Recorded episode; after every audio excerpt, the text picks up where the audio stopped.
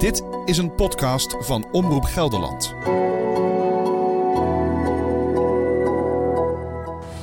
Als ik zeg, ik kan niet verder, ik kan niet meer, dan zegt mijn moeder ja. Iemand moet toch haar steen, haar graf onderhouden. Zij heeft jou nog steeds nodig. Dat is het enige dan dat me nog steeds ja, even... Maar de rest, het leven bestaat niet meer.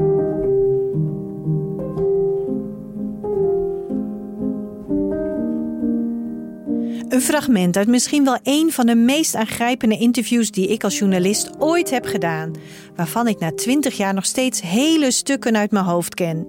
Het gesprek met Zelkja en Verdil Bradriets uit Nijmegen. Hoogzwanger van mijn jongste dochter zat ik tegenover twee mensen die hun enige dochter kwijtraakten. Die iets was overkomen waarvan iedereen alleen maar kan bedenken dat dat een nachtmerrie is. Hun 16-jarige dochter, hun enige kind, werd 20 jaar geleden door haar beste vrienden vermoord. Moeder Zelkja vertelde mij een jaar na Maya's dood hoe de jongens na de moord gewoon bij de ouders op bezoek kwamen, die op dat moment in paniek waren omdat Maya niet thuis was gekomen. Tussendoor kwamen Goran en Verdi. Dus toen heb ik gevraagd: willen jullie alsjeblieft even gaan kijken bij Alinda's huis? Daar is een klein bosje bij Anak. Bij haar huis en donker. En dat vond ik altijd een uh, erge plek. Gingen ze kijken, gingen ze ook. Ze speelde mee. Speelde mee.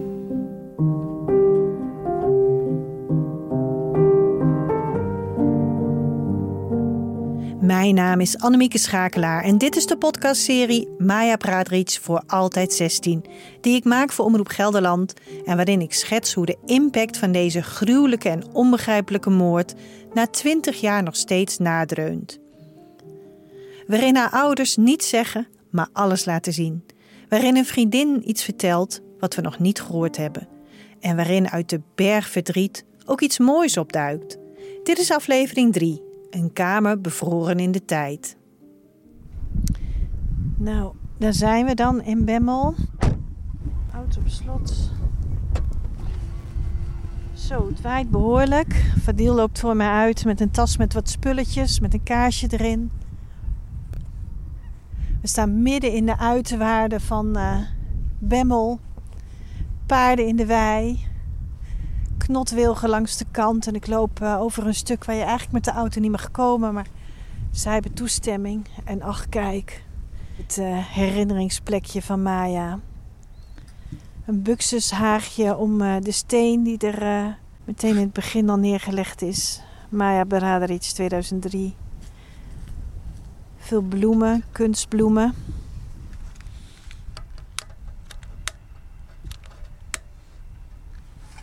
Ja, Verdil steekt even een kaars aan, lastig met de wind. Prachtig plekje, vol met kandelaartjes, engeltjes, vlinders. En de boom, de knotwilg die erbij staat, ook nog hartjes. Ja, een bijzondere plek, hier zo midden in de natuur en in de stilte.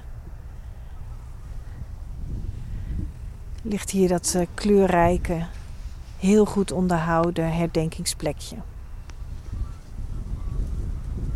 Ja, dit is de plek waar Maya 17 november 2003 is uh, gevonden. Want Maya werd niet alleen vermoord, ze werd ook in brand gestoken. Hier in die uiterwaarden. Eerder op de avond werd ze met hulp van haar hartsvriendin naar de auto gelokt waarin ze dacht lekker te gaan toeren met drie goede vrienden. Jongens van haar leeftijd en ietsje ouder, die ze volledig vertrouwde. Maar tijdens het ritje wordt ze gewurgd. En daarna brengen de jongens haar naar de uiterwaarde bij Bemmel om haar lichaam in brand te steken. De dagen daarna helpen ze de ouders met zoeken naar de vermiste Maya. Condoleren ze hun als blijkt dat Maya is overleden. Pas een paar dagen later wordt duidelijk dat zij degene zijn die hun vriendin Maya hebben gedood. Waarom? Hebben ze nooit kunnen verklaren. Haalt ook het gerechtshof aan bij hun veroordeling in 2004. Niet alleen hebben zij het lichaam van Maya weggevoerd, met benzine overgoten en in brand gestoken, waardoor het gruwelijk werd verminkt, maar vervolgens hebben zij zich ook naar de buitenwereld toe, tegenover zelfs de uiterst ongeruste ouders van Maya, gedragen alsof zij geen weet hadden van hun daad. Deze handelwijze getuigt naar het oordeel van het Hof van een onwaarschijnlijke koelbloedigheid en van een diepe minachting jegens het slachtoffer en haar familie. Ik volg het verhaal vanaf dag 1. Later wordt het landelijk nieuws. Zelkja en Fadil Braderic besluiten een jaar na de moord om één keer hun verhaal te doen voor een microfoon. Ze vertrouwen mij dit verhaal toe en dus zit ik in 2004 hoogzwanger in de woonkamer van twee ouders die alles kwijt zijn waarvoor ze vanuit Bosnië naar Nederland zijn gekomen. Hard werken, overwerken. Geld sparen voor, voor Maya, voor rijbewijs, voor universiteit, voor alles. Alles voor mij. Ik ben die huis kopen voor mij, niet voor mij. Voor mij is dit nodig. De eerste jaren was ik veel met dit verhaal bezig. De herdenkingsdienst, een boomplant op school, de zoektocht naar wat er was gebeurd en waarom. En vooral de intense en lange rechtszaken. Door deze weerzinwekkende moord, waarvoor verdachten of zijn mededaders geen enkel begrijpelijk motief hebben kunnen geven, is de rechtsorde in zeer ernstige mate geschokt. Deze schok is nog vergroot doordat het feit werd gepleegd door daders die Maya tot haar vriendenkring rekende en die zij dus mocht vertrouwen. Mede ook in dat licht bezien moet haar doodstrijd, die mogelijk een half uur heeft geduurd, een vreselijke zijn geweest.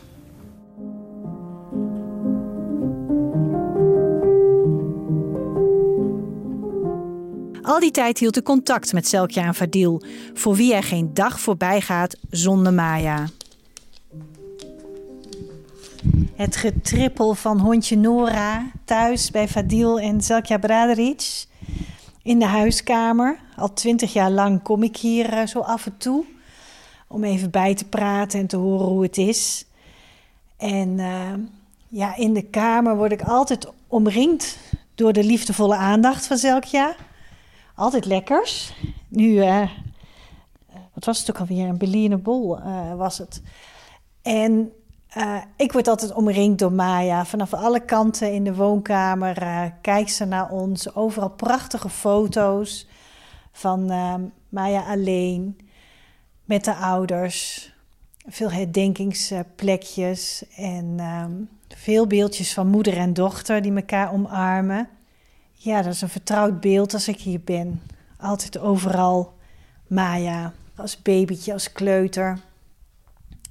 Je kijkt hier overal naar ons.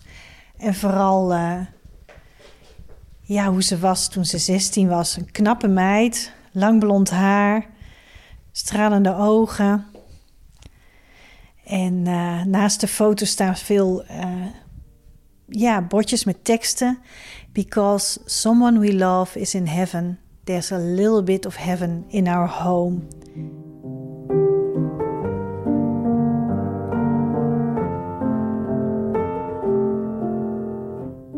Hun verhaal doen voor een microfoon, dat willen ze niet meer. Al die aandacht, al die meelevende blikken, het put ze uit.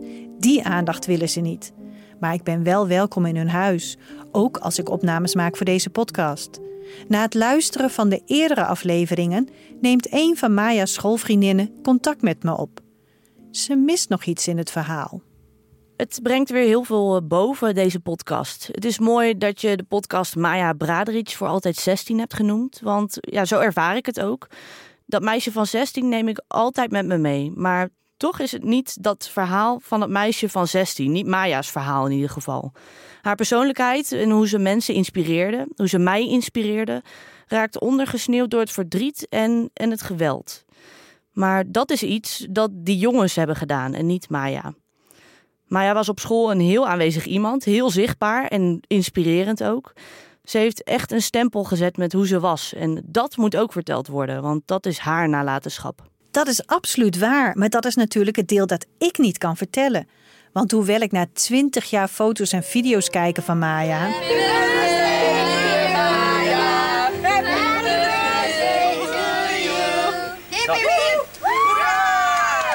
Haar denk ik op straat zou herkennen, heb ik haar natuurlijk nooit gekend. Dus vertelt schoolvriendin Roos dit verhaal. Niet met haar echte naam en niet met haar echte stem. Ik weet wie zij is, de ouders van Maya weten het ook, maar Roos wil liever anoniem blijven omdat ze wil voorkomen dat mensen haar gaan benaderen naar aanleiding van deze podcast. Die moord op Maya en alles wat er daarna omheen gebeurde, heeft heel wat met mij gedaan. We waren als tieners in één klap onze onschuld kwijt en werden de volwassenheid ingetrapt. Terwijl we nog lang niet volwassen waren eigenlijk. Toen ik zelf ouder werd, bleef het verhaal in golfbewegingen terugkomen. Met telkens weer nieuwe vragen erover of een nieuwe kijk erop. Ik heb meerdere keren therapie gehad om het te verwerken. Maar, ja, maar het is niet zo dat je er nooit meer om huilt.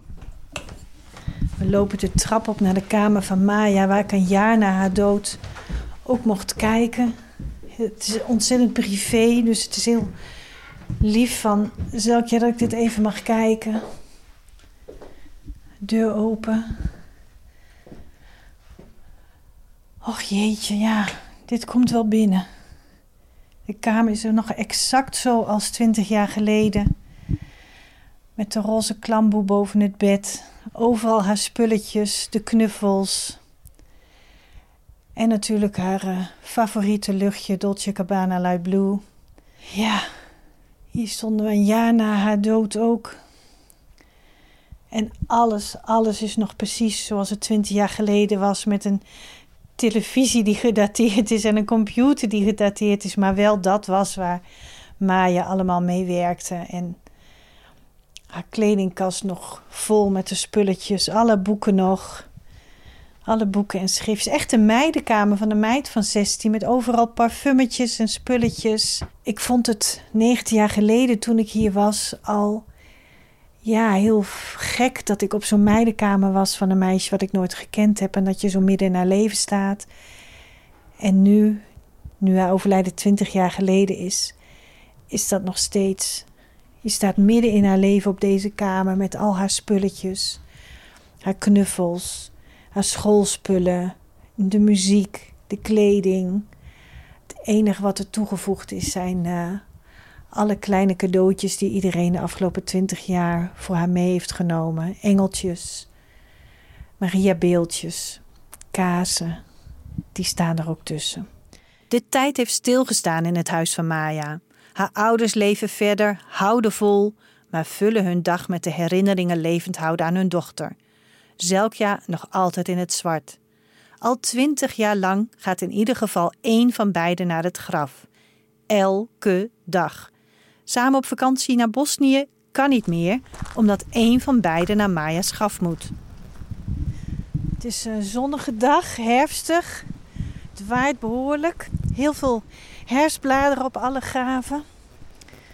En met uh, Zelkja Braderic, de moeder van Maya, loop ik uh, naar het graf.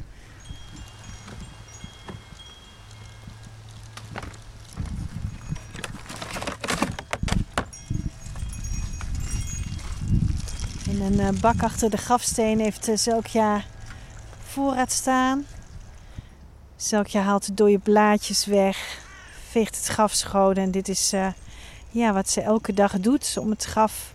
Nou, het blinkt ook gewoon water op de grafsteen. En dan met een uh, trekkertje wordt het marmer gepoetst. Alle blaadjes eraf.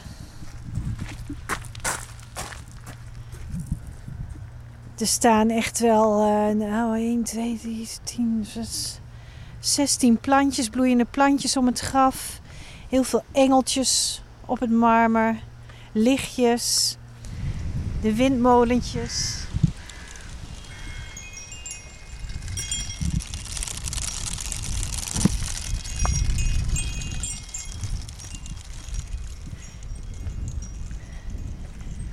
Allemaal uh, sleutelhangers. The love between a mother and a daughter is so special and forever. I'm so proud of our love. You're an angel, I love you. Wat een prachtige tekst.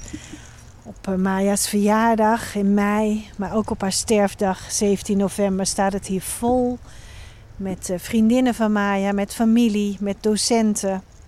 Die allemaal hier elk jaar nog weer bij elkaar komen om Maya te herdenken.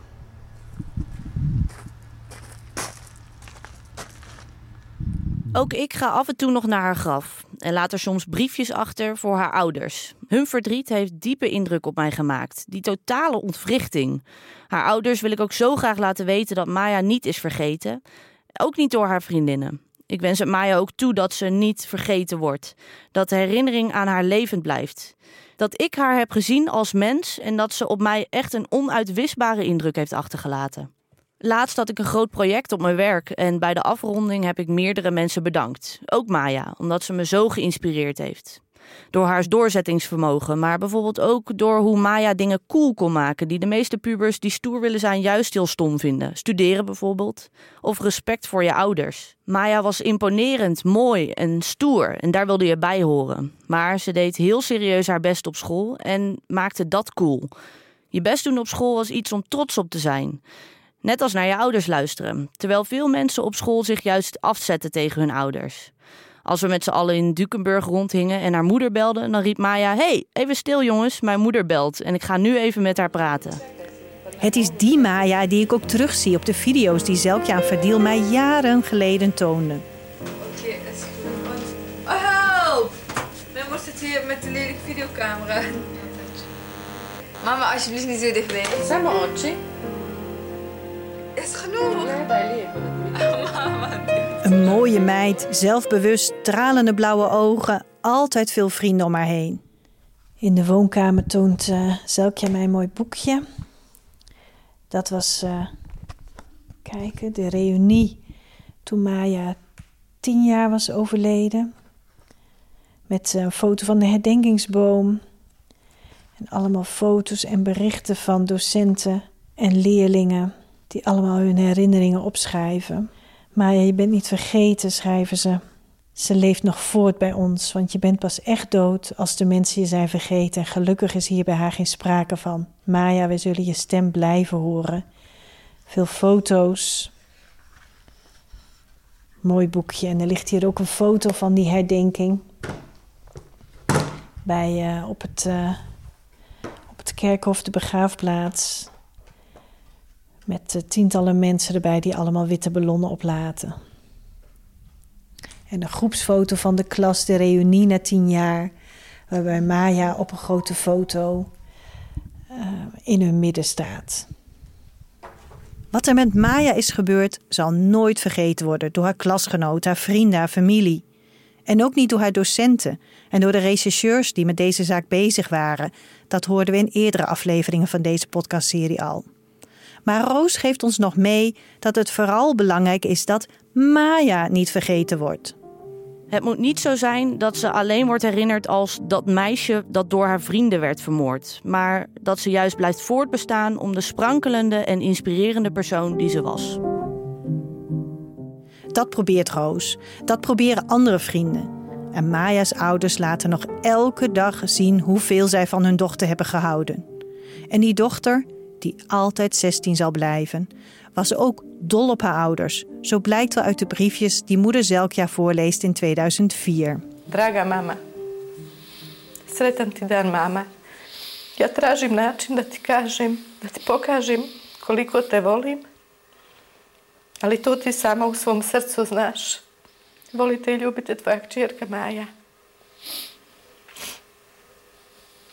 Ja, iets als lieve mama. Gefeliciteerd met de moederdag. Ik zoek, een, uh, ik zoek op welke manier te laten zien hoeveel ik van jou hou. Maar in jouw hart, dat weet je zelf. Ik hou van jou. Kusjes, jouw dochter Maya. Dat is moederdag van 2003.